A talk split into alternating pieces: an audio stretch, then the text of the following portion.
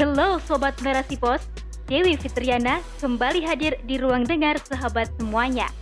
Saya akan membawakan rubrik opini karya dari Sartina yang berjudul Remaja dalam Gurita Prostitusi. Remaja merupakan harapan bangsa yang akan mengubah peradaban. Di pundaknya, harapan perubahan hakiki diletakkan. Namun, ekspektasi tersebut tampaknya jauh dari realitas. Generasi muda justru kian kehilangan muruahnya, hingga berubah menjadi generasi rebahan yang rentan jatuh dalam pergaulan bebas, bahkan rawan terjerat jebakan prostitusi. Sebagaimana yang terjadi di Tegal, Jawa Tengah, tempat karaoke yang berhasil digerebek pihak kepolisian turut menyeret anak-anak di bawah umur. Dalam kasus tersebut, berhasil mengamankan tiga orang yang diduga terlibat prostitusi ABG.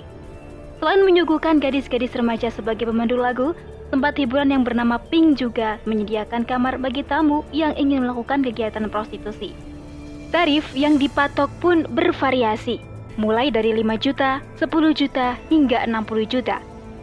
Pelaku berinisial ES, SHT, dan SHN yang masing-masing berperan sebagai pemilik karaoke, manajer operasional, dan mucikari, para pelaku dijerat Undang-Undang Pelindungan Anak dengan ancaman pidana di atas 15 tahun penjara. Miris, gurita prostitusi terus menyebar, bahkan dewasa ini para PSK dan pemakai jasanya pun sama-sama berasal dari kalangan remaja. Sebuah fakta yang pilu, tetapi lazim terjadi di tengah kehidupan yang sekuler Fakta ini kemudian memunculkan sebuah tanya, mengapa prostitusi terus menggurita dan muskil diberantas? Dikutip dari KBBI, prostitusi merupakan pertukaran hubungan seksual dengan uang sebagai suatu transaksi perdagangan. Menurut psikolog anak, Yanina Yasira Arman, jumlah anak Indonesia yang diperdagangkan dan dilacurkan untuk tujuan seksual berjumlah sekitar 150 ribu orang. Menguntip pendapat beberapa pakar, ada berbagai faktor yang menyebabkan banyaknya remaja terjerat dalam jaringan prostitusi, yakni pertama, faktor ekonomi, yang menjadi salah satu alasan banyaknya remaja terjun ke dunia prostitusi. Tingkat kemiskinan yang tinggi juga menyebabkan banyak orang tua rela menjual anak-anak mereka demi membantu kebutuhan ekonomi atau sekedar melunasi utang. Kedua, rendahnya pendidikan dan minimnya tingkat edukasi di tengah masyarakat menyebabkan para pelaku tidak memahami bahwa tindakannya adalah keliru. Ketiga, lingkungan memberi peran penting dalam membentuk kebiasaan di tengah masyarakat. Anak-anak yang tinggal di lingkungan yang banyak terpapar prostitusi berpotensi besar mencontoh apa yang disaksikannya. Keempat, pola hidup hedonis di tengah impitan ekonomi. Kondisi ini membuat banyak remaja menghalalkan segala cara demi meraih tujuan. Prostitusi pun akhirnya dipilih sebagai pekerjaan sampingan karena menjadi jalan pintas untuk memperoleh materi secara instan. Kelima, rapuhnya iman menjadi faktor tak terelakkan yang mudah menyeret remaja dalam kemaksiatan. Mereka akhirnya tidak lagi memperhatikan rambu-rambu agama dalam beraktivitas, termasuk saat memilih pekerjaan. Keenam, lemahnya penegak hukum dan ringannya hukuman yang tak membuat jerah. Dalam sistem hidup yang serba bebas seperti saat ini, prostitusi tak pernah mati. Kendati hukuman ditegakkan, tetapi bibit-bibit prostitusi terus bertumbuh dan menggurita. Tak ada kata jerah bagi pelaku, meski telah merasakan pengapnya ruang penjara. Inilah buah penerapan sistem kapitalis sekuler yang nyata-nyata melegalkan kemaksiatan.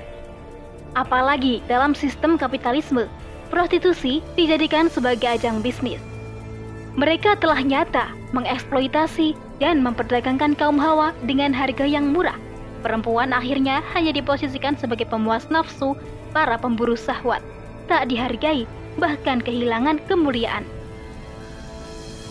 Semua ini terjadi karena roh sekulerisme yang masih diadopsi di negeri ini. Sekulerisme yang terang-terangan mengesampingkan agama dalam mengatur manusia. Akhirnya, akal manusia yang lemah dijadikan raja untuk menimbang standar benar dan salah. Selama roh sekulerisme masih diemban, prostitusi akan tetap menggurita. Keberhasilan pemberantasannya pun ibarat mimpi di siang bolong.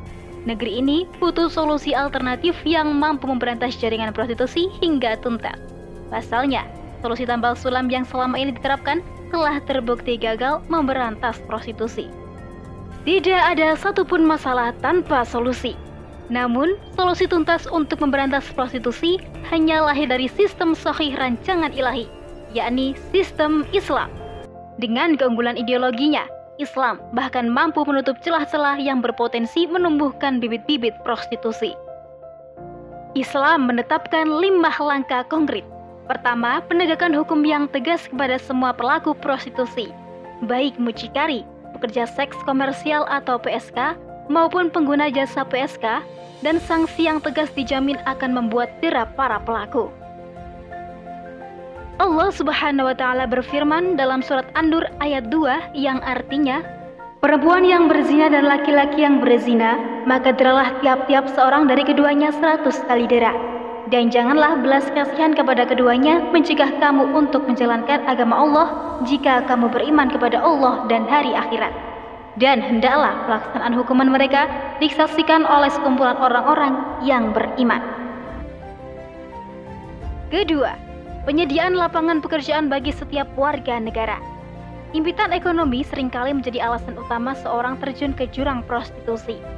Jika ada jaminan pemenuhan kebutuhan hidup dari negara, maka aktivitas menjajakan diri dengan dalih kemiskinan pun tak perlu terjadi.